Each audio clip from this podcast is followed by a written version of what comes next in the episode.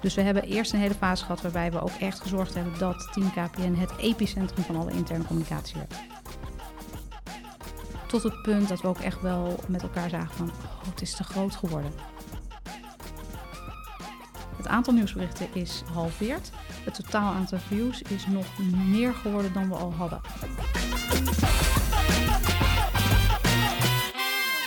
Welkom bij weer een nieuwe aflevering van Yellow Chat, de podcast van Ivo Hof. Mijn naam is Bram Koster en uh, naast mij zit onder andere Peter Haan.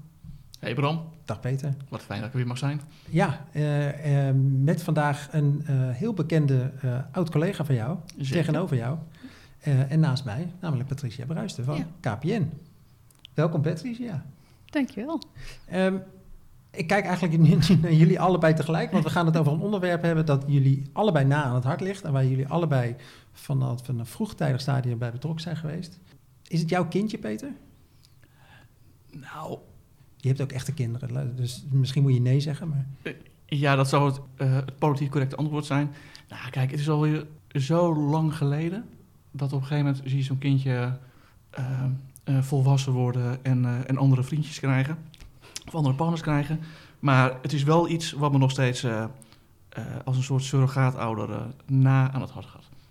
En dat kindje, dat is? Team KPN. Team KPN. misschien wel het eerste sociaal internet van Nederland? Dat denk ik wel. Het was in ieder geval de eerste op die schaal. Want ik weet nog dat we hebben het gelanceerd op 15 februari 2010. En ik weet dat uh, vrij snel daarna in april of in maart kwam, uh, kwam Philips met hun uh, sociaal internet, toen op een socialcast. Dus ik denk, dus ik zal niet, door niet te zeggen of wij de eerste waren, maar wel de grootste en de, ja, de meest uitgebreide. Ja. ja. ja. En, en een van die nieuwe vriendjes van jouw kindje is Patricia. zo moeten we het dan zien, denk ik. Patricia, je bent manager interne communicatie bij KPN. Ja, Nu nog? Klopt. Want het is afhankelijk van wanneer mensen dit luisteren, uh, heb je een nieuwe baan? Uh, ja, ik ga per 1 april, uh, zit ik niet meer bij KPN, ga ik naar het UMC Utrecht. Gefeliciteerd met de overstap. Dankjewel. En we zijn heel blij dat we je nog voor die tijd even kunnen spreken over Team KPN. Um, ehm, jij bent wel vanaf het eerste begin ook betrokken geweest bij het project, toch? Klopt, toen Peter nog uh, bij KPN werkte, toen werkte ik er uh, ook al. En toen nog in de rol, uh, ik was toen verantwoordelijk voor de redactie en voor het contentgedeelte van het intranet. Dus ehm, ja, ik heb dat wel inderdaad, de, de eerste gedachte van Peter, hoe die daarover na zat te denken en zei volgens mij moeten we hier iets mee doen, wel meegemaakt. En vanuit die rol ook wel mee, mee opgezet. Zeker. We hadden, we hadden zeg maar de, de verdeling zeg maar, kanalen en inhoud. En ik zat meer op de kanalen en Patrice zat meer op de inhoud. Oké. En, en neem mij en de luisteraars eens mee terug naar die tijd. Hoe zag een sociaal internet er destijds uit? Wat, wat kon het? Wat deed het? Nou ja, hoe, ons intranet was toen echt helemaal in het begin was echt nog een, een oud intranet zoals uh, heel veel mensen dat kennen, hè, behoorlijk statisch. En, en wij begonnen toen met een, een ja, proefpilot platformpje ernaast. Um, ik weet nog goed dat Peter zei van ja, er gebeurt zoveel in de buitenwereld en uh, mensen zijn aan het bloggen en uh, er is iets als Twitter, doen ze ook dingen met korte berichten. Dat was, dat was echt nog helemaal in opkomst en uh, die zei daar moeten we iets mee. En dat, dat pilotplatformpje, daar, daar gingen we medewerkers gewoon heel voorzichtig laten bloggen en dat begon met een klein groepje en en dat ging gewoon als een, als een dolle. En dat, iedereen vond dat geweldig. En dat, uh, uh, toen hadden we wel het gevoel van hier hebben we iets te pakken waar we meer mee moeten. En dat is het startpunt geweest dat, dat team KPN als eerste echt volledig geïntegreerde platform uh, ook helemaal gebouwd is. Waarbij we echt de, de traditionele functie van een intranet en een, zo'n social platform bij elkaar brachten. En veel bedrijven waren er wel mee bezig op de manier als wij, met een beetje iets aparts en nou ja, eh, waar je het ook nog een beetje kan doen. Het feit dat we het helemaal bij elkaar brachten en helemaal geïntegreerd in de, in de kern, dat was, uh, ja, daar begon het. Ja. ja. En, en als je nu screenshots ziet van tien jaar geleden hoe Facebook eruit zag en, en Twitter en Twitter had toen geloof ik nog niet eens een, R, een eetje in de naam, weet je, nou, misschien toen net wel. Ja. Maar dat, dan, dan zie je echt wel verschil met nu. Ik weet niet of jullie nog screenshots aan de muur hebben hangen van de eerste versie van Team KPN. Nou, we hebben ze niet aan de muur hangen, maar we hebben ze zeker nog. En uh, toevallig hebben ze ook een tijd geleden ze even naar, naast elkaar gezet. Ja, een wereld van verschil. Ja. ja. Maar de filosofie en, en wat je kan, is, is, was dat wel enigszins al in lijn met wat het nu is? Dus mensen Eh, kunnen gewoon zelf iets posten, kunnen groepen aanmaken misschien en dat soort dingen. Ja, de kern, de kern is echt hetzelfde. We hebben toen ook gekeken naar eigenlijk... Want ieder social platform extern deed iets. En we hebben toen ook gekeken naar wat is nou het succes en de kern van al die platformen... en hoe kunnen we dat bij elkaar brengen. Dus we hebben gekeken naar Facebook... eh, wat doen mensen daar? We hebben gekeken naar Twitter. We hebben gekeken naar blogplatforms. We hebben gekeken naar... eh, nou, ik weet eigenlijk niet meer wat het toen allemaal was. Maar we hebben naar heel veel dingen gekeken. En dat allemaal gezegd van... joh, we pakken het beste van alles en dat stoppen bij elkaar. En toen ontstond er een platform waarvan we zeiden: oké, de, de persoon staat in dat platform centraal. Dus de medewerker met zijn persoonlijk profiel staat centraal in dat platform en kan daar dingen doen. Dus die kan eh, vanuit zijn persoon content toevoegen, die kan groepen starten, die kan mensen volgen, die kan groepen volgen. Dus die kan van alles doen. En daar gaat het platform om. Je, je zegt, er was, eerst was het een, een klein platformpje ernaast en uiteindelijk is het geïntegreerd. Ehm, dat, dat heeft dan ergens dat je dat moet afstemmen met iemand bovenin de organisatie en dan moet overtuigen van het nut. Was dat nog lastig destijds of ging dat best goed? Dat ging klaarblijkelijk best goed, anders was het nooit gekomen. Maar wat er gewoon gebeurde is, eh, we hadden gewoon een idee. En iets, nou, gewoon iets, iets qua achtergrond, zeg maar. Dat, we hebben het dus over 2009 dat, dat het speelde. Dat was ongeveer eh, tien jaar of acht jaar nadat de scheepbouwer aan het roer kwam. En scheepbouwer heeft eh, eh, volgens mij gewoon KPN gered van dat faillissement. Dat heeft hij gedaan door heel erg sterk te focussen op kostenbesparing. Ik denk dat dat het, het, het meest eufemistische woord is wat ik kan verzinnen voor wat die beste man daar gedaan heeft. En daarmee heeft hij KPN gered. Maar dat deed ook iets met eh, betrokkenheid en binding en, en, en, dat soort zaken. En in 2009 ging eigenlijk die financial performance best wel goed. Maar zagen we ook dat nou ja, de, de warmte en de verbinding en al dat soort zaken was niet helemaal je van net. En de, de gedachte was, eh, misschien kan zo'n sociaal platform wat over de hele wereld mensen bij elkaar brengt, expertises bij elkaar brengt. Misschien kan zo'n platform intern dan ook dingen doen. En ik weet nog heel goed dat, we, eh, dat ik toen met eh, Marion van Dam, onze toenmalig manager interne communicatie, bij Ilko Blok terecht kwam. Eh, en Ilko was toen lid van de raad van bestuur van Zaken Markt, dus hij was nog niet de CEO, maar nou goed, zat wel vrij hoog in de boom. En toen kwamen we bij Ilko en toen vroegen we van, joh, dit is het idee. En eh, hoe sta je daar tegenover? En toen zei hij, nou, heel eerlijk, ik weet niet of het werkt, maar ik weet dat al het andere dat we tot nu toe hebben gedaan in ieder geval niet werkt. Dus laten we het gewoon eens proberen. Eh, en hij sponsorde een deel vanuit Zakelijke Markt. En eh Baptiste Koopmans, toen lid van de Raad van Bestuur van Consumentenmarkt, die sponsorde ook een helft vanuit Corporate Center. Dus de centrale club werd ook iets, iets, iets, iets gesponsord.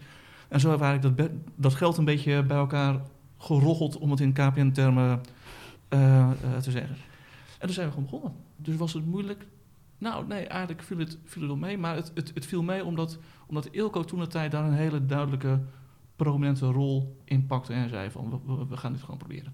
Ja, en ik denk dat er wel twee andere dingen waren die, die ook hielpen Mm. om... ehm, volgens mij, als ik gewoon zo terugkijk Ja. naar toen... We maakten het niet te groot op dat moment. Inderdaad, het was gewoon, we hebben een idee en zullen we het gewoon eens proberen. Dat was wel echt een succesfactor, dat, eh, dat daardoor ook de aandacht er niet al te veel naartoe getrokken werd. Zeker. En toen dat idee aansloeg, zaten we ook op een natuurlijk punt dat dat intranet de stekker echt uit moest. Want dat zat echt op zijn end-of-life cycle en werd niet meer gespoord. En dus daar hebben we Ja. wel een paar ehm, eh, dingen gehad die enorm geholpen hebben daarbij. Ja. Ja, wat, wat, wat, wat meespeelde inderdaad was, kijk, die eerste funding, zeg maar, dat was gewoon puur voor zeg maar, dat platform ernaast. Toen dat dus eenmaal werkte, of in ieder geval ogenschijnlijk leek te werken, la- laat ik het zo maar zeggen, en we heel erg zaten te dubben, wat moeten we nou met dat intranet?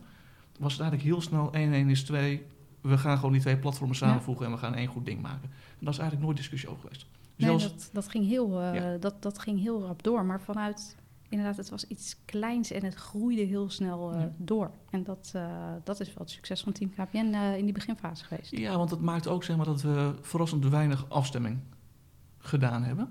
Ehm, je kunt je voorstellen, in zo'n grote tent, en als het belangrijk is, dan wil iedereen er wat eh, mee te maken hebben. Of juist niet, hè? dat is ook weer een punt. Maar zoals Marion wederom van Dam, wederom, wel eens, eh, eh, wederom Marion van Dam wel eens gezegd heeft... iedereen wil graag een vinger in de pap en heel veel vingers in de pap maakt smerige pap. Dus die ben ik ook nooit vergeten. Het is best een vieze. Ja. Dat is best een vies, hè? Precies. Maar klopt wel. Maar er zit heel veel waarheid in. Ehm, omdat, het zo, omdat we het zo klein gehouden hebben, hoefden we ook niet met iedereen te overleggen. En dat maakt ook dat we, dat we best wel onder de radar dit gewoon vrij snel konden, konden realiseren. Je zegt we hebben het klein gehouden. Dat geldt over die pilotomgeving dus net, net nog. Feitelijk ook voor de tweede iteratie. Oké. Ja. Even, even daartussenin zat het idee begon te vliegen eigenlijk. Hè? En, en hoe merkte je dat dan? We gingen mensen echt spontaan iets zeggen? Of, of, of waar, waar bleek dat uit? Nou, ik weet ook nog dat sowieso gingen mensen het doen, hè. mensen gingen daar bloggen. Maar ik weet ook nog dat dat de fase was dat ehm eh, Getronics nog apart stond. Dat was gekocht door KPN. En ook omdat het een pilot was, eh, was ook heel bewust gekozen dat, eh, dat het bij KPN begon. En de mensen van Getronics, het was nog maar een pilot, dus die, die konden daar nog niet op. En het feit dat die zo snel ook ons begonnen plat te bellen, mailen van ja, kom op, dat, daar gebeurt het, daar moeten wij ook op, was ook wel een signaal dat het gewoon echt wel ging. Ja. En was daar destijds adoptie voor nodig? En, eh, nu hebben we- of was het gewoon ook echt een, een beginnersenthousiasme waar iedereen eh, gewoon eigenlijk wilde zien wat, eh, wat houdt dit in? Ja, volgens mij heb jij wel heel bewust gekeken naar een aantal mensen die actief op eh, socials eh, extern waren, om Ja. die een beetje mee te trekken in dat pilotplatform. Als een soort eh, ambassadeursgroep. Maar vanaf daar ging het wel. ehm, ja, het ging Ja. heel snel. Nou, ja, wat je gewoon merkte is, kijk, ook alles draait volgens mij uiteindelijk om context. Hè? En we kwamen uit een periode dat niks kon. En er was een strategie bij KPN van we zijn beste volger. En hoe misschien dat strategisch ook fantastisch is, niemand wil volger zijn. Weet je, niemand wordt blij van we zijn beste volger. Dus toen we met Team KPN uiteindelijk daar een platform neerzetten, wat in ieder geval toen de tijd in ieder geval voor mensen eh, nieuw en revolutionair was, waarbij we konden zeggen, kijk, dit doen wij als KPN en we lopen voorop op de troepen. Dat deed iets met gevoel van trots, wat mensen voor het gevoel best wel, in mijn optiek, een beetje gemist hadden. En dat deed, eh, in, ieder geval, in ieder geval bij de groep die in ieder geval actief was, laat, laat ik het dan zo zeggen. Eh, en dat hielp gewoon enorm. Dat Ja. mensen veel enthousiasme daarmee aan de slag gingen. Ja. En natuurlijk hadden we echt in de, in de beginfase, want in die pilotfase was het, was het ook iets extra's. Hè? Dat vond iedereen gaaf. En, eh, en toen we de eerste geïntegreerde versie van Team KPN neer hadden gezet, tuurlijk hadden we toen ook wel te maken met eh, gewenning en mensen die daarvoor ons oude intranet nou echt affikten naar het heilig verklaarden toen we het eenmaal eh, op de achtergrond hadden gezet. Eh, Natuurlijk hadden we daarmee te maken en hebben we heel veel. eh, we hebben boekjes gemaakt, we hebben workshops gedaan, we hebben dat, natuurlijk hebben we dat allemaal Ja. ook gedaan. Ja, Ja, maar het belangrijkste, denk ik, wat we gedaan hebben, en dat heeft ook, eh, hebben we te danken zijn, maar volgens mij ook aan Marion en aan Hans, Hans Koeneman, is dat, Wel- welke rol had hij? was toen directeur communicatie, is dat toen we dit hadden, toen hebben ze ook gezegd, dit gaan we dus ook echt goed doen. Dus bij elke communicatieactie was de vraag, welke rol heeft Team KPN hierin? En het kon dus eigenlijk niet zo zijn dat, dat we dus eh, communicatiecampagnes deden of communicatiestrategieën uitrollen, zonder dat daar Team KPN een rol in had. Dus het werd, het, de kracht was dat het volledig geïntegreerd was. ja. En ik denk dat dat een andere succesfactor was. En weer een andere was dus commitment vanuit Joko en vanuit Ja. de RVB. ja zeker. Ja, we, en we geloofden er zelf ook echt, echt heel hard in. Dat heb je ook wel nodig. Weet je, Ja. het was inderdaad vanaf dat moment dat het er was, was het ook gewoon het. We zeiden ook, het is de backbone van onze interne communicatie. Ja. Eh, op alle communicatiedingen die we doen, is het eerst team KPN en dan kijken wat nog meer. Dit is eh, nou, tien jaar geleden, bijna op de kop af. Als je nou eens je ogen een heel klein beetje dichtknijpt en dan zo in snelheidvaart door die afgelopen tien jaar heen gaat. Wat zijn dan de belangrijkste dingen die je hebt zien gebeuren op dat platform? Met het platform, rond het platform? Zo, heel veel. Ehm, ja, ik denk dat we hebben zien gebeuren dat het, het... Het was heel populair. Dus ik heb zien gebeuren dat er steeds meer bij kwam. Ehm, we hebben eerst inderdaad, hè, het was Team KPM first. Dus we hebben eh, eerst een fase gehad waarbij we zeiden: oké, wat voor platforms zijn er verder? Hoe kunnen we zorgen dat die ehm, in ieder geval aangehaakt zijn op Team KPN of benaderbaar zijn via Team KPN of geïntegreerd worden? Dus we hebben eerst een hele fase gehad waarbij we ook echt gezorgd hebben dat Team KPN het epicentrum van alle interne communicatie werd. Toen, en toen was dat zo populair eigenlijk dat er ook zo'n soort magneet, dat alles erop kwam te zitten. En dat er ook wel, we hadden wel het uitgangspunt dat we zeiden van ehm, als er een goede andere functionaliteit is waar we het aan kunnen koppelen, doen we het op die manier. Als dat niet zo is, dan bouwen we het er zelf in. Op een gegeven moment zijn we heel veel in gaan bouwen. En tot het punt, en dat is een paar jaar geleden, dat we ook echt wel met elkaar zagen van, oh, het is te groot geworden. En wij zijn een communicatieafdeling. En wij hebben nu zo'n grote verantwoordelijkheid hier zitten met alles wat eraan hangt. En als het eruit ligt, dan kom je heel dicht tegen de, de ehm, eh, bedrijfscontinuïteit aan. Toen hadden we wel het gevoel van, ja, nu zijn we iets te ver gegaan met eh, waar onze verantwoordelijkheid op komt te liggen. En, eh, en toen zijn we er ook weer naar gaan kijken. En toen zijn we eigenlijk weer terug naar de essentie gaan brengen. Van joh, wat is dit? Het is een platform voor communicatie en dialoog. Zijn we er weer dingen uit gaan halen. Tot de allerlaatste inzichten. Dat we ook wel zien van... goh, het draaide heel erg om dialoog, om community, ehm, om dat social aspect. Maar het bedrijf heeft ook behoefte aan eh, gewoon een hele duidelijke richting voor medewerkers. En toen zijn we nog weer een andere weg ermee ingeslagen. Nou ja, en daaraan aanvullend, het was enerzijds, eh, wat we zagen, was de verantwoordelijkheid voor communicatie werd te groot. Hè? Ik bedoel, op een gegeven moment werden we, geloof ik, verantwoordelijk voor de monteurscommunicatie of verstoringen. En dat is eigenlijk een rol die, die niet bij communicatie paste. Maar je zag ook omdat, kijk, heel plat, je kunt maar zoveel dingen kwijt op een homepage van een internet. En anders ja, wordt het ding gewoon te vol. En dan is alles belangrijk en dan is dus ook niks meer belangrijk. En we zagen dat door al die functies, al die content, al die mogelijkheden, ja, wisten mensen ook niet meer, ook niet meer zo goed waar ze moesten kijken. En dus, dus je hebt aan de beheerkant hadden we gewoon een, of hadden ze een te grote broek.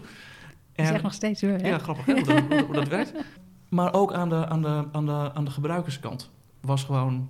Ja, het was gewoon... We, we, we hebben, toen die analyse maakten, hadden we het voorbeeld van een ijsje... waar iedere keer zeg maar bollen bij op werden geplaatst, zeg maar. Zo voelde het ook een beetje. En we dachten, we moeten er gewoon weer een, een lekker ijsje van maken. En Patricia, jij zegt, we hebben er ook dingen uitgehaald. Ja. Heb je een voorbeeld van dingen die er dan eh, Nou, overbodig bleken of te veel ballast? Nou, het is met name inderdaad heel veel dingen die er op een gegeven moment aan gekoppeld werden. Eh, storingen, monteurs. eh, dat op een gegeven moment zeiden van ja, als Team KPN eruit ligt, lag dat er op een gegeven moment ook allemaal uit. Nou, dat kan gewoon niet. Ja. Ehm, en we hebben ook, en sommige dingen zitten er nog in hoor, zijn we nog gewoon druk mee bezig. Maar op een gegeven moment zagen we ook, er worden allerlei wiki-functionaliteiten. Er waren, eh, er waren functionaliteiten ingebouwd waarmee ehm, samenwerkingsvormen eh, werden overgenomen. Documentbeheer, ehm, eh, chatfuncties. En dat waren op een gegeven moment functionaliteiten waarvan we zeiden... nee, maar we hebben binnen bedrijf ook echt Microsoft Teams... wat gewoon goed functioneert daarvoor. We hebben binnen bedrijf gewoon Link... wat gewoon hè, goed eh, werkt daarvoor. Dat zijn dingen die daarin nagebouwd waren... eigenlijk minder goed. En die er ook niet in hoorden. Dus dat hebben we er allemaal weer uitgehaald. Ja, en we zagen functionaliteiten door, echt, die door hele specifieke groepen werden gebruikt. Ik noem de challenges, dus een soort... eh ja, wat Ja. is het eigenlijk? Eens, ja. Ehm, ja, Ja. Een, een challenge. Een uitdaging. Een uitdaging. Ja. Ehm, En dan is dat tien keer opdrukken per dag? Of? ja, wat is het eigenlijk precies? Ja, het was bedoeld van als je een, een, een ehm, bijvoorbeeld een vraagstuk van goh, we willen duurzamer worden, eh pitch je ideeën allemaal maar. Mensen kunnen ideeën van elkaar liken. Met het idee van dan, dan creëer je een soort denktank op Ja. Team KPN. Dat was, dat was eigenlijk het idee van de challenges. Alleen wat we zagen was dat het eigenlijk maar door een hele beperkte groep gebruikt. En er was ook geen, eh, geen animo om dat heel breed KPN uit te rollen. Maar het stond wel heel prominent in de navigatiestructuur. Dus iedereen kwam er wel mee in aanraking. Ja. Ook daar En- kun je dus... Ja. Ja. en ook daar zag je wel dat je kunt soms... Want op zich, de functionaliteit werkte technisch goed en het was leuk. En, eh, maar ook daar eh, liep je tegen het punt aan waar volgens mij iedere vorm voor dit soort initiatieven tegenaan loopt. Want je hebt ook ideeënbussen en weet ik veel wat. Eh, de, borging van de opvolging van wat er dan uitkwam, dat was het moeilijkste. En met een hele goede functionaliteit in Team KPN hadden we dat nog steeds niet opgelost. Nee. En daar, eh, daar eh, bloedt zo'n initiatief dan ook heel snel weer, weer leeg. Ja. En dat heb je misschien ook niet helemaal binnen je control als afdeling communicatie. Nee, klopt. Daar hebben wij de capaciteit niet voor. Dus als Nee. je daar dan inderdaad ook het managementdraagvlak niet voor vindt om dat verder goed in te richten, ja, dan werkt het niet. Nee. Een ander voorbeeld daarvoor is ehm, dat, dat je met ambassadeursfunctionaliteiten zit erin. En eh, dat je de mogelijkheid biedt voor medewerkers om een klacht die ze in hun omgeving tegenkomen, eh, dan daarin te schieten. In het begin, en dat, dat zijn ze nu aan het verbeteren, maar als daar niet gewoon een hele goede opvolging en helpdesk achter zit, ja, dan is het idee leuk, maar dan, dan werkt het gewoon niet. Nee. En dat zijn wel allemaal dingen die allemaal Team KPN ingetrokken zijn. En als het dus niet goed werkt, ook de perceptie rondom Team KPN negatief eh, gaan kleuren. En dat is gewoon heel vervelend. En dan eigenlijk, als ik het probeer samen te vatten, dan komt het erop neer dat je eh, heel veel verschillende kanalen allemaal probeert samen te trekken op in dat ene kanaal Team KPN. En dat je daarmee eh, eigenlijk nou, voor de gebruiker het veel te groot maakte, maar ook qua governance, of hoe je het met een mooi Nederlands woord ook zegt, dat- dat dat lastig werd omdat eigenlijk er veel te veel verantwoordelijkheid bij jullie kwam te liggen. Ja, ik denk dat je dat op die manier wel goed, eh, goed pakt. Is, ja. is het, moet ik me nu dan voorstellen dat in de huidige situatie die kanalen weer wat zijn afgestoten en dat eigenlijk er is een soort cleaner eh, team KPN overgebleven met een iets meer focus. En ja, de medewerkers hebben weer wat meer apps op hun telefoon of op hun computer. Maar dat Nou, we hebben, ehm, we hebben sowieso op de besturing van Team KPN een, een, ehm, ja, een ontvlechting gedaan. Dus we hebben ook echt gezegd van... joh, wij zijn als corporate communicatie zijn we ehm hoofdstakeholder... en verantwoordelijk voor de strategie, voor de formule, voor het concept. Maar het hele technische beheer hebben we ook weer terug overgedragen aan eh, binnen KPN... de technische afdeling, die ook eigenlijk verantwoordelijk is voor alle werkplektechniek. ja. Ehm, dus dat is een hele grote verandering geweest. En eentje eh, waar, waar, ja, waarvan je dan ook ziet, het ligt gewoon weer waar het hoort te liggen. Ehm, en we hebben nou ja, veel functionaliteiten eruit gehaald. Wat niet wil zeggen dat we bijvoorbeeld eh, Team KPN niet als voorkant blijven gebruiken. Dat we zeggen, het is wel benaderbaar. Maar stel Team KPN ligt eruit, dan is dat een functionaliteit die op zichzelf ook nog draait. Dus ook apart nog benaderbaar is. Het zit niet in Team KPN. Ja. Dus dat, op die manier zijn we er naar, eh, naar gaan kijken. En En je beschrijft het, eh, ehm, jullie afdeling automatisering is verantwoordelijk ook voor de werkplekken. Is Team KPN ook onderdeel van de werkplek? Is dat de digitale werkplek van KPN'er of heeft het een andere rol? Ehm, zou ik natuurlijk graag zeggen. Ehm, nee, ja het, ja, het is er wel een heel belangrijk onderdeel in. En het is er ook wel echt onlosmakelijk mee verbonden. Ik bedoel, iedereen die een KPN-werkplek heeft, heeft automatisch ook Team KPN. En heeft ook gewoon een, eh, een automatische opstart van Team KPN. Het is gewoon de plek waar je heen moet voor al je bedrijfsinformatie, je nieuwsje. Maar de werkplek is wel veel groter. En dat is, en dat is denk ik Ja. het inzicht wat we op een gegeven moment krijgen, kregen van... het is niet erg dat de werkplek veel meer omvat... en dat we dat niet allemaal met Team KPN hoeven op te lossen. Is Team KPN bedrijfskritisch? Nou, liever niet. Nee, oké. Nou, dat proberen we dus te voorkomen. Ja, Dit is, wel interessant, want juist wij zien best wel klanten waarbij dat Ja. eigenlijk steeds belangrijker wordt gemaakt. Ja. Waarbij er heel erg integratie plaatsvindt van werkplek met intranet. En, ja en- en, het is, en het is natuurlijk, ik zeg liever niet, omdat je daarmee een hele grote verantwoordelijkheid op je schouders haalt van een corporate communicatieafdeling. Ja. Maar eh, is het bedrijfskritisch? Ehm, ben ik steeds meer geneigd om te zeggen ja. Want ook als je nu alleen al kijkt naar bijvoorbeeld, nou, ne- neem even de coronasituatie waar we nu in zitten. Ehm, Niet in deze kamer zelf. niet in de deze kamer. Nee, laten, we, laten we het hopen van niet. Gepaste maar, afstand van twee meter. Ja. Ja. hoor, het zit er keurig tussen. Nee, maar dat, dat speelt nu. En Team KPN is het platform waarover we mensen informeren. En eh, waar wij de afgelopen dagen ook wel de gesprekken met elkaar hebben gehad. Van ja, maar wat nou eh, mensen die niet op Team KPN kunnen? Nou, dat is in principe niet zo, want iedereen kan op Team KPN.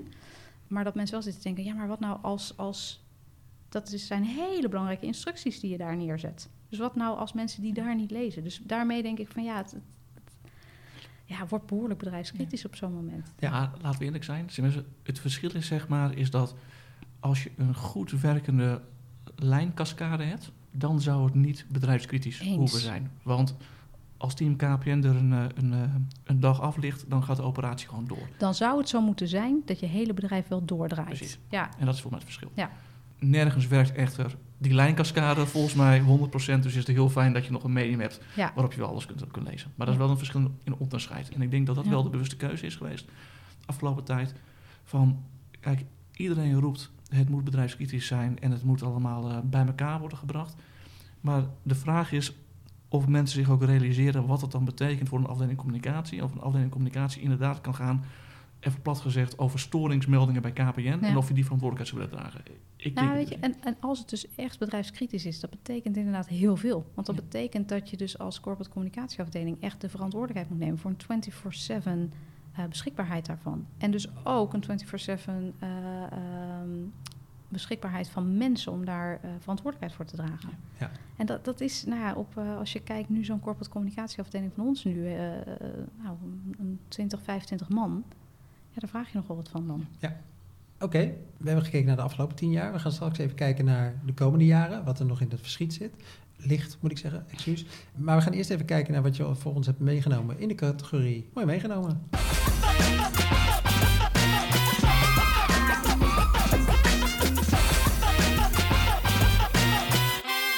In de categorie mooi meegenomen vragen wij aan de gast altijd om iets moois voor ons mee te nemen. Eh, iets wat inspireert, iets wat aansluit bij het onderwerp waar we het over hebben. En Patricia, jij hebt zelfs twee dingen meegenomen. Ja, ik kon niet kiezen. ja, dan, eh, dan is dat ook net zo mooi. Dat, ja. En wat heb je meegenomen voor ons? Ik heb eigenlijk twee boeken meegenomen. Eh, dat is eh, enerzijds de Alignment Factor van, eh, van Riel. Ja? En dat is anderzijds de Employee Journey eh, van Sascha Becker en Wenda Bollink. eh, beide bij Proof eh, werkzaam. En ze gaan allebei over alignment. Dus de een, de een wat meer wetenschappelijk onderlegd en de ander wat toegankelijker eh, leesbaar. En de wetenschappelijke kant, dat is van Riel. Ja. De, de, de, de godfather van reputatie en alles, in ieder geval in Nederland. Ehm, en en wat, wat, heb, wat heb je daar dan uitgehaald? Wat, wat, wat heeft dat boek voor jou? Ja, het is een beetje, ik zeg dat het is een beetje bij mijn Bijbel gewoon. Maar Mhm. dat is op een gegeven moment hebben we gekozen om ehm, alignment echt wel het leidende principe te laten zijn voor al onze interne communicatie. Dus En even tussendoor, wat versta je dan onder alignment? ik versta onder alignment echt dat je bezig bent om je medewerkers eh, te alignen op je organisatie en strategie. En eigenlijk hen betekenis te geven in al hun dagelijkse werk, ehm, gekoppeld aan die strategie, van waar ze het voor doen. Ja, dus je vertelt ze, dit is de strategie en, en hoe ze daar zelf aan bijdragen en dat soort zaken. Die koppeling probeer je inderdaad Ja, te maken. Ja. Helder. En je zegt, dit is een hele wetenschappelijke kant. Eh, Is het daarmee dan ook wel praktisch toepasbaar op je werk? ja, vind ik wel. Want of is het het is, meer een denkkader? En, Nou, het, het is het denkkader als in, maar het is voor ons wel een heel duidelijk leidend eh, eh, principe. En het geeft wat dat betreft wel. Alignment is het, is het principe, daar werken we aan. En in, hierin vind je wel heel duidelijk van wat zijn dan de drivers van alignment? Hoe creëer je alignment? Waar kan je dan aan werken? En daarmee, en dat hebben wij praktisch vertaald naar, naar KPN. En dat passen wij ook toe op Team KPN. Daarom heb ik hem meegenomen. Ehm, je kunt zo'n platform vanuit heel veel kanten benaderen. En ergens heb je een soort eh, eh, guiding principle nodig. En dat is ons alignment. en kun je dan een voorbeeld geven van iets wat praktisch binnen Team KPN, wat dan Ja, daaruit voortkomt? ja, zeker. Dat is een discussie. eh, het is heel praktisch een discussie eigenlijk eh, geweest... die we nu twee, drie jaar geleden gestart zijn. Bijna ja, twee geleden. was in de zomer. Ja. Ja, eh, waarbij we eigenlijk met Team KPN op punt stonden dat we zeiden, nou, we voelen dat, dat, dat daar wel weer iets moet gebeuren. Maar we kregen de vinger er niet helemaal op wat. En toen zijn we ook gaan kijken van, joh, waar, waartoe is het nou? En eh, toen hebben we een enorme discussie gehad over... Het begon ooit vanuit inderdaad eh, de doelstelling op, eh, op betrokkenheid. Hè? Eh, die medewerkers die meer betrokken moesten worden. En dat we, daar ben je ook de hele interactie en het social element en de communities... die kwamen daar allemaal uit voort. En toen kwamen we op het punt dat we zeiden... ja, maar nu interne communicatie werken we eigenlijk vanuit alignment. En gaat het veel meer over inderdaad mensen inhoudelijk betrekken... bij hoe hun werk bijdraagt aan de doelen van de organisatie. Uh, en daar kwamen we in een best wel discussie van... ja, maar waar moet dat platform nou in essentie over gaan en aan bijdragen? Gaat dat nou over engagement of gaat het over alignment? Toen zijn we op alignment gekomen. Nou ja, en vanuit de gedachte waar we het net over hadden, dat, nou ja, weet je, het platform was op een gegeven moment alles. Ja. En ik weet nog dat wij de discussie hadden, kijk, uiteindelijk is het een vraagstelling van KPN geweest, maar ik dacht van, we maken het even scherp. Je moet kiezen. Ja. Wat is nou de primaire focus van zo'n platform? En toen kwam inderdaad de primaire focus op, uh, op alignment uit. Ja, waarbij dat ook echt nog wel een weg was tussen van, maar ja, is het dan het een of het ander? En uh, inderdaad, wij heel lang op van het is allebei, of het een kan niet zonder het ander. Ja. En het een kan ook echt niet zonder het ander. Oké, okay, dan ga ik even nog hier even vragen, uh, gewoon, want er leven veel definities, hè? Ja. Je hebt net alignment toege, toegelicht. Wat is dan engagement en wat is het verschil? Engagement voor mij, en dat, is, dat zijn ook de gesprekken die wij veel met uh, ja. HR hebben. Uh, voor mij is engagement, betrokkenheid, gaat echt over een houding die mensen ten opzichte van het bedrijf hebben. Hoe sta je ten opzichte van het bedrijf positief? Uh, ben je betrokken? Voel je je betrokken? Ja. Maar als ik heel betrokken bij het bedrijf ben, ik kan heel betrokken bij KPN zijn, maar nog steeds minimaal bijdragen aan de strategie. Of ja. algemeen, als je heel betrokken bent, doe je dat echt wel, maar theoretisch. En alignment, dat, dat gaat dus echt over, draag je bij aan waar het bedrijf voor staat. Ja, precies. En toen is de keuze gemaakt voor alignment. Alignment. Um, ook wel, ja, dat, dat als je hem zo plat slaat eigenlijk, hè, uh, van ook houding versus gedrag, ja, was voor mij echt een no-brainer. Dat ik zei, nee, ja, dat gaat dus over alignment.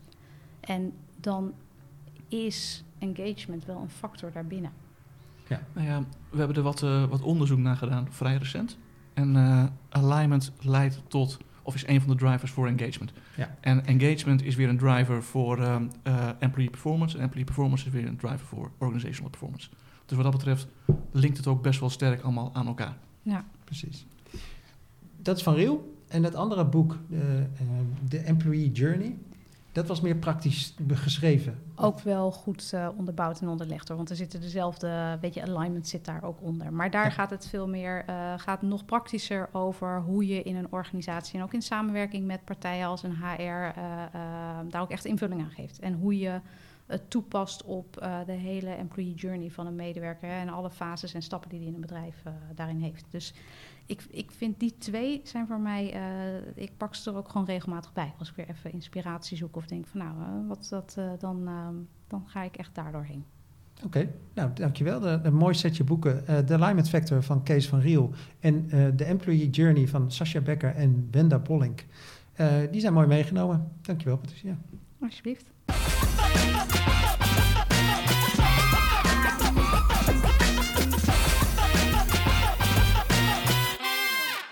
Voor de break hadden we het over afgelopen tien jaar.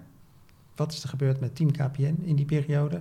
Dan is het heel logisch natuurlijk om naar de toekomst te kijken. Nou is jouw toekomst bij KPN nog maar vrij kort. Dus het is een beetje over je graf heen regeren misschien. Maar zou je ons toch eens mee kunnen nemen in wat jij ziet als uh, de toekomst van Team KPN... en misschien ook wel gewoon van vergelijkbare platformen bij andere partijen? Nee, zeker. Want inderdaad, ja, ik, ik zal Team KPN uh, los moeten laten. Maar uh, dit, dit is wel iets wat, wat je breed natuurlijk ziet. Als ik naar Team KPN kijk, dan... Um, wij hebben ons altijd laten inspireren door wat er in de buitenwereld gebeurt. Hè? Om daar ook naar te kijken van, goh, wat... Uh, want dat is ook hoe mensen communiceren, hoe ze gewend zijn te communiceren. Dus ik kijk daar ook heel erg naar om te kijken van... joh, wat zijn dingen waar we rekening mee moeten gaan houden. En dan zie je in de buitenwereld dat sowieso dingen als privacy security enorm belangrijk aan het worden zijn. En dat merken wij binnen uh, bij ons gewoon ook. Dat vragen daaraan gerelateerd gewoon steeds prominenter voor Team KPM worden. En dan heb je ook te maken met privacy-vraagstukken ingegeven door AVG. Hè, van ja, zo'n sociaal platform is enorm, dra drijft gewoon op profielen en op ja, persoonlijke profielen van medewerkers. Ja, hoe ga je dan met privacy aspect om? Het is een heel open platform. Uh, ja, hoe ga je met de security aspecten om? Je ziet buiten mensen ook weer van, van hè, open dialoogplatformen af en toe weer een beetje terugkruipen in besloten groepen. Dus ja, dat zijn wel dingen waarvan ik denk dat die heel bepalend worden en waar je over na moet denken voor de volgende fase van zo'n platform weer. En je had het in de voorbespreking ook over een mooie term, vond ik, zinnige dialoog. Oh ja, verklap jij nou dat we een voorbespreking hebben gehad? Uh, ja, want wij doen ons huiswerk gewoon. en um, die, die termen die, die, die, had ik, die heb ik opgeschreven en uh, daar ging ik over vragen. Dat was mijn huiswerk. Het platform moest, moet steeds meer daar ondersteunend aan worden, was jouw opmerking. Ja. Dan beginnen we natuurlijk met wat is een zinnige dialoog? Ja, wat is een zinnige dialoog? Nee, ik denk uh, dat is inderdaad de evolutie die Team KPN doorgemaakt heeft. Hè, van dat we eerst überhaupt die open dialoog het bedrijf ingebracht hebben. Uh, mensen communicatiever hebben gemaakt, uh, het bedrijf opener hebben gemaakt met het platform zoals het was. Hè, überhaupt die mogelijkheid bieden. En dat, dat je wel hebt zien gebeuren van ah, eerst duikt iedereen daar bovenop, het is nieuw. Um, en, dat je, en dat heeft te maken met dat alignment waar we het ook eerder over hadden. Dat de behoefte ontstaat om de dialoog van iedereen over alles meer te gaan richten naar een, een gerichte dialoog over de strategie zodat je ook uh, waar ze het over hebben, dat dat ook bijdraagt aan dat daar meer begrip over ontstaat. En uh, nou ja, dat mensen ook dat het bijdraagt aan dat we onze doelen gewoon beter uh, realiseren. Dus dat is waar, het, waar, het, waar je eerst heel erg bezig bent geweest met überhaupt die organisatie openbreken, mensen communicatiever maken. Wil je het nu gaan, gaan sturen naar dat het ook iets bijdraagt aan waar de organisatie iets aan heeft. Betekent dat, dat dat elke dialoog dan ook direct met werk, of in ieder geval met de organisatie te maken moet hebben? Of kan er nog steeds een kookclubje zijn uh, die online recepten deelt? Nou, het is grappig dat je dat zegt. Want die, toen we het Team KPM begonnen, toen kregen we die vraag uh, heel veel. Van, ja, mag iedere medewerker dan zomaar een groep opzetten... en mag dat dan zomaar over alles gaan? Dat zeiden ja, weet je. Want dat had ook in de beginfase van het platform een functie. Want mensen moeten het ook leuk vinden, die moeten daar komen je merkt dan dat als je dat gewoon toestaat, dat het praktisch eigenlijk niet gebeurt. Want mensen beginnen bij. Nou, er zijn een aantal mensen die uh, hobby's hebben als uh, iedereen die van fotografie houdt of zo. Maar dat heeft dan toch nog bijna een lichte link naar het werk. Ja, en idealiter wil je wel dat het over het werk gaat. Ja. Nou ja, en het is natuurlijk sterk afhankelijk van de doelstelling die je hebt. Hè. Kijk, als je doelstelling gewoon is, we willen het gewoon gezellig met z'n allen hebben, dan is het prima. Maar als je zegt de doelstelling is het platform moet bijdragen aan onze organisatiedoelstellingen. En het gaat niet zozeer om, we willen het gewoon vooral heel gezellig met elkaar hebben, maar het gaat vooral over het werk beter snappen. En dat was bij, bij KPN gewoon de doelstelling. Dan is het veel logischer dat je stuurt op die zinnige dialoog. Ja, en dat is, kan voor iedere organisatie op ieder moment ook uh, anders zijn. Ja. Hè? Want inderdaad, toen we begonnen, was het dat wel. Toen ging het over dat betrokkenheid weer groter maken. En toen ging het echt over het, nou ja, over de betrokkenheid, over als, als ze maar met elkaar praten, bewijs Ja, van. En ja. als we maar silo's doorbroken krijgen, als we maar mensen überhaupt dus van het ene onderdeel in gesprek krijgen met het andere onderdeel. En dan echt nog in de fase van, ja, maakt niet heel veel uit waar het dan over gaat als ze elkaar maar eens weten te vinden. Als je dat voor elkaar hebt gekregen, ja, dan kan je de volgende stap zetten. Van ja, nu we dat voor elkaar hebben, kunnen we ook gaan zorgen dat ze het over zinnige dingen hebben. En, en is het zo geweest dat er ook heel veel co-clubjes clubjes zijn ontstaan online? Of? Ja, nee, dat gebeurde dus niet. Maar ik denk als we, het, als we het niet toe hadden gestaan, had de discussie gegaan over het Ja. feit dat het niet kon. Toen we zeiden, ja hoor, doe maar wat je wil, zag je dat het eigenlijk... En dat zag je ook op bijvoorbeeld dat mensen in het begin het heel eng vonden dat ze zeiden van... Oh, maar zit er dan een soort gateway tussen? Moeten jullie eerst goedkeuren wat voor reacties mensen plaatsen of wat ze plaatsen? Nee, Eh, dat gaan we dus niet doen, want dan werkt het niet meer. Maar dat we zeiden, weet je, we hebben wel een paar spelregels en we trekken echt de grens bij. Het moet niet op de man en het moeten niet hele nare woorden worden. Maar verder mag iedereen zijn mening hebben. Weet je, als iemand kritisch is, iedereen mag zijn mening hebben. Ehm, maar ook daar zie je dat als je het maar toelaat, dat het een heel zelfregulerend principe is. Ja, want grappigerwijs zijn mensen over het algemeen toch aan het werk op hun werk. Weet je, de, Ja. de, de gedachte dat mensen dan allerlei andere dingen gaan doen. Ja, heel eerlijk, bij alle klanten waar we komen zien we het eigenlijk bijna nooit. Dus Nee. ook hier niet. Mensen zijn gewoon aan het werk, hebben het gewoon druk. Dus het gebeurt gewoon bijna niet. En jij zegt, ehm, je moet meer inzetten op het sturen op de zinnige dialoog. Hoe doe je dat? Wat, wat, wat doe je dan om die tot stand te brengen? Nou ja, dat is wel iets waar we middenin zitten. Dus, ehm, maar dat heeft onder andere te maken met je, met je contentstrategie. Dat we ook zeggen van, goh, hè, we, dat heeft ook te maken met meer focus in überhaupt de content die wij er al inbrengen. En dan dus, daar kunnen ze op reageren. Dus als wij al meer gefocust eh, dat erin duwen, dan krijg je ook vanzelf de dialoog over de onderwerp waar je het over wilt hebben. En dat heeft ook te maken met een, een, een verschuiving wij, nou, dat is, dat is ongeveer twee jaar geleden voortgekomen uit die discussie die, ja, discussie die we hadden over betrokkenheid versus alignment. Eh, dat hebben we gezegd, het gaat over alignment. Dus dan moeten we ook weer die communicatiefunctie prominenter gaan maken dan de dialoogfunctie. Waar we eerst bovenin eh, helemaal in de spotlight eh, de, de items van de community hadden staan en de blogs. En dat waren dan, dat ging dus overal over. En we hebben gezegd van nee, we gaan echt weer het nieuws, waar we een hele duidelijke contentstrategie op, op hebben zitten, dat gaan we bovenaan in de spotlight zetten. En dus gaan we ook sturen op dat daar de dialoog over gaat. Ja. En de achterliggende gedachte daarbij was, was natuurlijk de uitkomst van onze onderzoeken die we gedaan hebben. Toen met eh, de Universiteit van Amsterdam, En dus in dit geval Evolve. Evolve. Ja? Dat, dat we een duidelijke relatie zagen tussen passief gebruik van corporate content, dus met andere woorden het lezen van corporate content, en actief gebruik eh, van social media op strategische relevante onderwerpen. Dus daarom hebben we gezegd, dan moeten we dus de nieuwsfunctionaliteit in dit geval prominenter maken. Want als mensen dat lezen, dan is er dus blijkbaar een relatie tot alignment. En dan moeten we zorgen dat mensen dus daarover gaan praten. Want dat doet ook iets met alignment. Dat betekent dus dat je gaan, daar specifiek content voor gaat maken. Of meer content. Of dat je dan, of, of misschien was die Nou. er al, maar dat je het hem nadrukkelijker in beeld brengt. Dat soort Dat, eh, elementen. Want er was, er was altijd al KPN nieuws op het platform. Ja. Alleen het is, we, het is één, de positie die we dat nieuws hebben gegeven. Hebben we echt naar boven getrokken in de spotlight gezet. En twee, de invulling die je eraan geeft. We hadden ook een vrij brede eh, eh, contentstrategie daarvoor.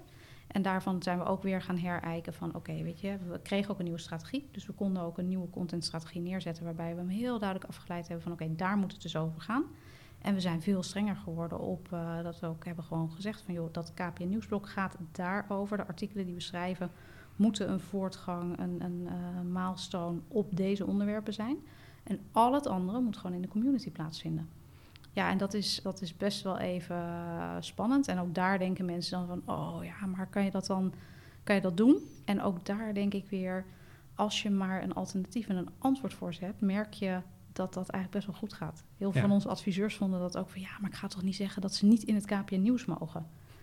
Ja, maar tegelijkertijd merkten ze dat als ze dat adviseerden en dan gingen ze zeggen van joh, maar je kan wel een blog schrijven in die groep en dan geven we je in de tijdlijn nog wel een mooie uitgelicht positie, die we ook gewoon hebben. ja. 9 van de 10 keer waren mensen er hartstikke blij mee. ja. En je zegt, we hebben nieuws een prominentere plek gegeven. Dat is, is dat recent geweest? Dat is eind 2018 geweest. Hebben Oké. we echt eh, een compleet redesign van de homepage gedaan. Dus nadat we eerst die hele ontvlechting hadden gedaan, eruit hadden gehaald wat we eruit wilden halen, toen nog compleet redesign gedaan, waarbij we het allemaal echt een andere positie eh, hebben gegeven. Eh, ja, dat hebben we toen de lucht in gegooid. En heb je daar resultaat van gezien? Eh, Zeker, zeker. Want ook een van de aanleidingen was dat we ook echt wel in onze cijfers zagen. Hè, met dat, dat het nieuws, dat we gewoon dat we niet meer aankwamen bij mensen. Dat we mensen niet goed meer wisten te bereiken. Dat was echt een enorm zorgpunt. Ehm, we zagen ook echt een neergaande lijn. Dat we dachten, hmm. En we zien dat eigenlijk na eind 2018 hebben we dit, eh, dit gedaan. En we hebben eigenlijk naar, nu naar ook heel 2019 naar de cijfers gekeken. En als je dan kijkt, dan zie je dat we minder nieuwsberichten zijn gaan plaatsen. Want meer focus in die contentstrategie. Uh, maar dat we met die minder nieuwsberichten nog meer views uh, hebben bereikt dan we met het aantal berichten daarvoor deden. Dus het aantal nieuwsberichten is, is gehalveerd. Het totaal aantal views is nog meer geworden dan we al hadden.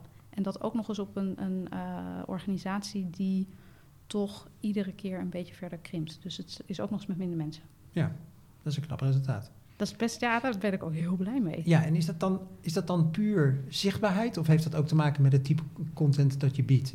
Of de manier waarop je het brengt?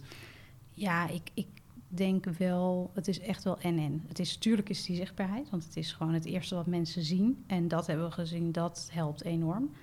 Maar dat, is niet, dat alleen is niet genoeg. Het moet ook echt wel, wat je ze dan te bieden hebt, moet ook echt wel uh, relevant zijn en actueel. En uh, nou, daar zal ik ook wel bij zeggen dat we ook best een heel uh, interessant jaar achter de rug hebben bij KPN. Dus er was veel nieuws te melden. Maar um, echt, we hebben daar echt ook wel een aantal dingen uitgehaald van... goh, als je die factoren nou um, wegzet, dan zelfs... Het, we hebben echt vergelijkbare berichten gezien. Een goed voorbeeld is het, uh, het bericht over de nieuwe CEO van, team, van KPN bijvoorbeeld. Dat is altijd een heel populair nieuwsbericht. Ja. En dat is uh, vergelijkbaar, zeg maar. Dat oude design versus het nieuwe design, weet je, dat onderwerp is hetzelfde, de interesse is hetzelfde. Dat zou, zelfs daarvan zagen we dat volgens mij het aantal views uh, nog verdubbeld was versus in de oude situatie. Oké. Okay. En dat uh, interessante jaar had onder andere te maken met een nieuwe CEO die, CEO die toch weer niet kwam en toen weer een nieuwe. En dat zeker, ja. En ook, dat, ja, en ook wel, uh, ja, we hebben, uh, we hadden natuurlijk eind 2018 het redesign van Team KPN ging ook gepaard met dat we eind 2018 een nieuwe strategie hebben gelanceerd. Dat is sowieso een fase waarin je gewoon goede content hebt, waar mensen uh, heel erg nieuwsgierig naar zijn. Dat je ook veel te melden hebt, dan gebeurt er veel. Ja. En on top of that um, hadden we inderdaad ook een, een vrij uh, turbulente CEO-wisseling. Uh, hadden we ook in de zomer te maken met een, uh, een hele grote storing. Uh, um, ja, er, speelde heel veel vorig jaar. Ja. Iets met Chinese apparatuur wat niet meer in je netwerk mag. Of in ieder geval niet overal meer in je, in, in je netwerk mag. Er waren ook wat omgevingsonderwerpen die... ja, dat, er speelde veel. Ja. Eind 2018 was dus die, die, die nieuwe homepage. Um, en jullie zijn nu nog aan het bouwen aan een, een app, volgens mij. Klopt, ja.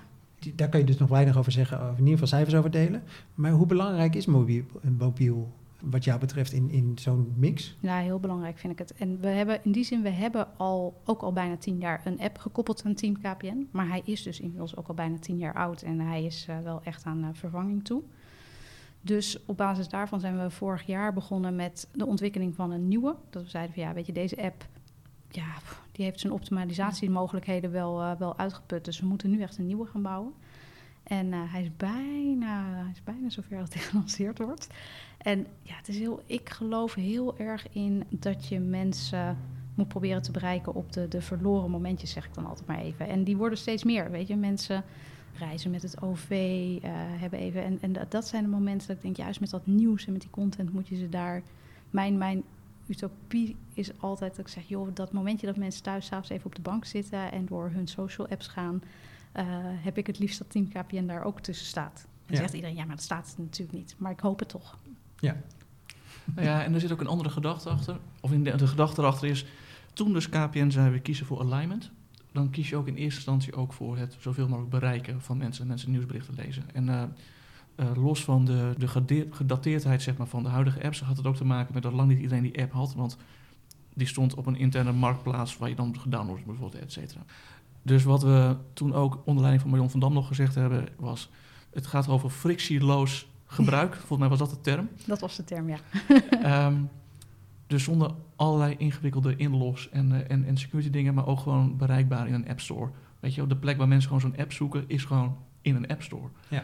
Dus als je, als je je bereik wilt vergroten vanuit alignment, is het handig dat je ook een app hebt die en dat nieuws dan heel prominent neerzet, maar ook gewoon die app heel prominent Ja. vindbaar maakt en gebruiksvriendelijk maakt. En die twee combinaties hebben volgens mij geleid tot deze nieuwe app. ja, nee, dat klopt. Ja. En dat... ehm, eh, nou, ik ben heel benieuwd. De, de cijfers hebben we inderdaad nog niet echt Nee. bijna live. Maar ik geloof er heel hard in. Ja, En eh, betekent dat dat ik hem dadelijk ook kan vinden in de eh, App Store en dat ik dan ook mee kan lezen? Of Nee. dat- zover is het nog niet? Nee, als in, we hebben natuurlijk toch nog wel, ja, weet je, met, met meer dan 10.000 medewerkers is intern extern. Hè? Dat zeggen we ook altijd. Dus alles wat we daar doen, ehm, houden we er rekening mee dat dat gewoon openbaar moet zijn. Maar, we, en dat is wat wij bijvoorbeeld ook met onze commerciële collega's wel heel duidelijk hebben moeten afspreken. Eh, hij gaat in de public app stores, maar het moet wel heel duidelijk zijn dat het een app voor medewerkers van KPN is. Om ook verwarring tot onze commerciële apps Ja, bijvoorbeeld eh, te Dat kan me voorkomen. goed voorstellen. ja. Ehm, we, en we hebben er wel, we hebben ook wel naar gekeken hoor. Van joh, in hoeverre zou je zover willen gaan ehm, dat het helemaal open is? Dat je inderdaad ook gewoon het algemeen publiek daar gewoon het nieuws op mee zou kunnen laten lezen. Nou, dat is nog, nu nog een stap te ver, maar wie weet. En je zegt hè, intern is extern. En de kans is natuurlijk inderdaad groot. Zodra het een beetje nieuwswaardig wordt, is er vast wel iemand die getriggerd is om dat naar buiten te brengen. Aan de andere kant zijn er vast ook dingen van buiten die je naar binnen wil brengen. Zeker. En eh, zijn er ook wel successen te vieren waarschijnlijk. Eh, ja, weet je, het gaat inderdaad twee kanten op. Ik denk dat je, dat je er zijn soms hele goede. eh, sowieso gebeurt er heel veel in de buitenwereld. En ik denk dat het heel goed is in je interne communicatie dat je je medewerkers ook heel bewust maakt van wat gebeurt er daar buiten. Nou, wat doen concurrenten? Wat, eh, dat wil je naar binnen trekken. Eh, ook positieve manieren waarop KPN er buitenop staat. Awards die je krijgt, goede publicaties die er zijn. Dat helpt gewoon voor je trots. Dus dat wil je allemaal naar binnen trekken. En ja, tegelijkertijd heb je gewoon communiceer je binnen in het kader van alignment in lijn met die strategie over hele mooie mijlpalen in die strategie die je bereikt. Ja, ik denk daarvan, weet je, dat zijn gewoon hele mooie resultaten. En intern is extern, en dan hebben we daar meer dan 10.000 mensen zitten die daar potentieel ambassadeur van zijn. Ja, naar buiten duwen die handel. Ja, dus het moet ook nog eens, eigenlijk stimuleer je bijna dat eh, intern nieuws naar buiten wordt gebracht. Zeker, Ja. Het eh, employee advocacy principe. zeker. En dat we hebben, en ook dat, weet je, we zitten echt nog, dat, het kan allemaal nog veel beter en we zijn er ook echt mee bezig. Maar wij hebben een koppeling tussen eh, bepaalde nieuwsartikelen op Team KPN en onze externe newsroom op de, op de corporate website. Eh, en die koppelen we gewoon aan elkaar. Dat, daarvan zeggen ook echt intern is extern. Dus dat kan gewoon, dat is dezelfde content. En daar zit ook functionaliteit aan voor medewerkers, dat daar gewoon ook buttons bij zitten. Dat ze dat gewoon hop rechtstreeks naar hun eigen social platforms kunnen delen. Ben je zelf zo iemand die dan veel heel trots eh, dingen deelt van KPN? Ja. Ja? ik probeer er een beetje mee op te passen, omdat ik op een gegeven moment een beetje veel eh, feedback uit mijn omgeving kreeg. Maar ja, Dat, ja, dat doe je dan toch wel, toch? En dan moet je nu eh, de switch gaan maken bijna. Ja, klopt. Ja. Dat, dat lijkt me in die zin, eh, als je maar ergens gaat werken waarvoor je weet dat je er trots op kan zijn, dan, dan moet dat helemaal goed komen. Ja, en dan is het jouw taak om iedereen die daar werkt weer trots te gaan laten zijn dat hij daar werkt. Ja, zeker. Oké. Dankjewel voor je tijd eh, in de drukke periode van de overdracht. Ehm, heel fijn dat je komen ver- eh, vertellen over Team KPN. Ehm jij moet je kindje ook een beetje los gaan laten nu. Ja, want het is ja. ook jouw kindje gewoon Nee. een beetje, stiekem. Ook ik heb zelf eh, een dochtertje, maar ehm, ja, dit is wel, dit is inderdaad wel moeilijk om los te gaan laten. Oké, Ja. nou, misschien dat we dan over twee jaar hier weer zitten en je spreken over een heel mooi nieuw netwerk van IMC Utrecht. Dat zou heel mooi zijn. Ja, In ieder geval heel veel succes daar. Dankjewel. En eh, voor de luisteraars, eh, ik moet jou natuurlijk ook gewoon gedag zeggen. Dat zou ik op zich wel fijn vinden, Bram. Vind ik wel zo netjes.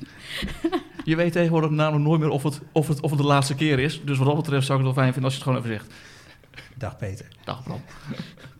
En voor de luisteraars, we hopen dat jullie het ook allemaal eh, goed doorstaan deze periode eh, van de corona. Ehm, zorg in ieder geval goed voor jezelf, eh, was je handen en dan zien we elkaar en horen we elkaar bij de volgende editie van Yellow Chat. Tot de volgende. Hoi.